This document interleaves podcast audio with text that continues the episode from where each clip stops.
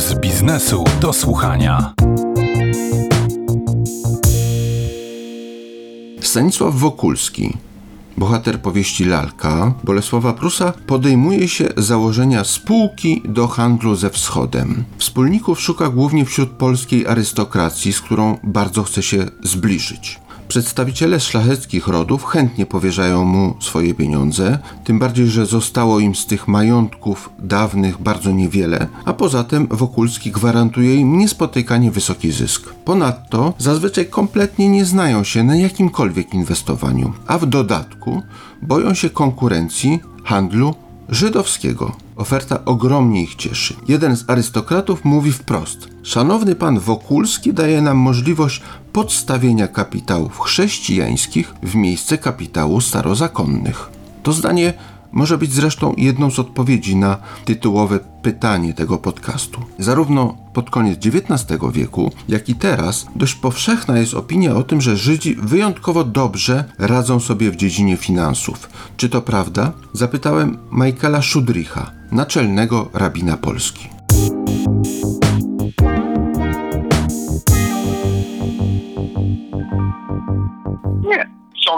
Którzy tak, są Żydzi, którzy nie. Ja myślę, to jest fałsz. Znajdę bardzo dobry katolicki biznesman, żydowski biznesman, hindu, hinduicki biznesman, no, shinto biznesman. To jest, są ludzie, którzy mają dobre podejście do biznesu, tych, których nie ma. Czy jest coś takiego, w co powinien inwestować pobożny Żyd i coś takiego, w co nie powinien inwestować? Nie powinno inwestować w coś, które jest niemoralne. Nie powinno inwestować w sprzedane narkotyki. Nie po, powinno być związane skradzone rzeczy. A co do pozostałych rzeczy, tutaj jest swoboda. Proszę dawać mi nie przykład. Czy na przykład inwestycje w firmy, która produkuje amunicję, uzbrojenie? To jest podstawowa moralność.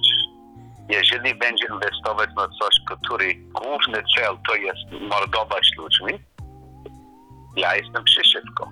Ja rozumiem judaizm. Jak na każdy inny religię, to nie znaczy, że każdy Żyd będzie słuchać, co judaizm mówić. Tak samo nie każdy katolik będzie słuchać wszystkiego, który Kościół mówi. Co oprócz zysku powinno być ważne dla Żyda w inwestowaniu?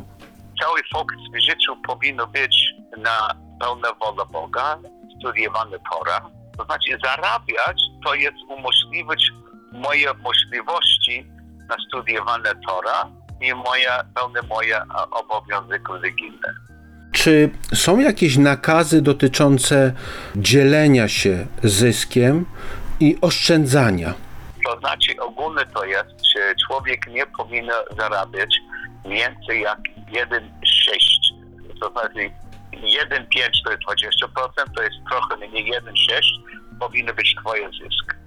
Jedna szósta.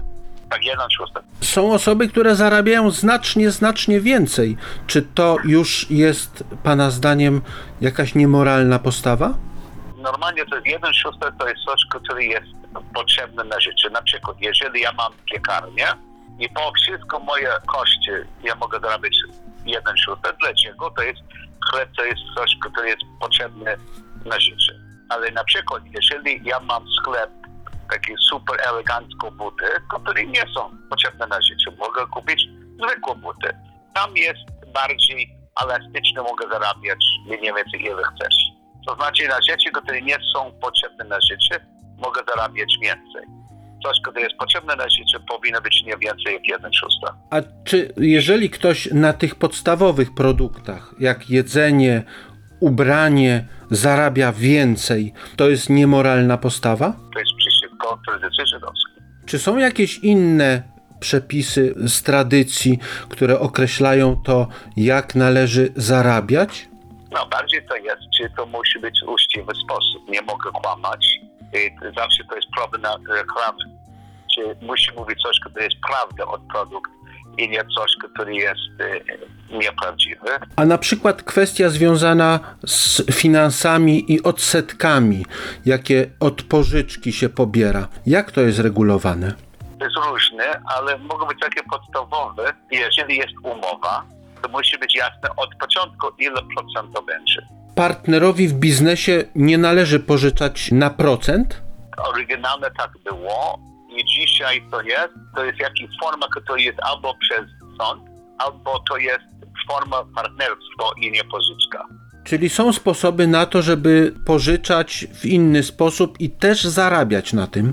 Tak. Dziękuję bardzo za rozmowę. Okay, miłego Dziękuję. dnia. Shalom.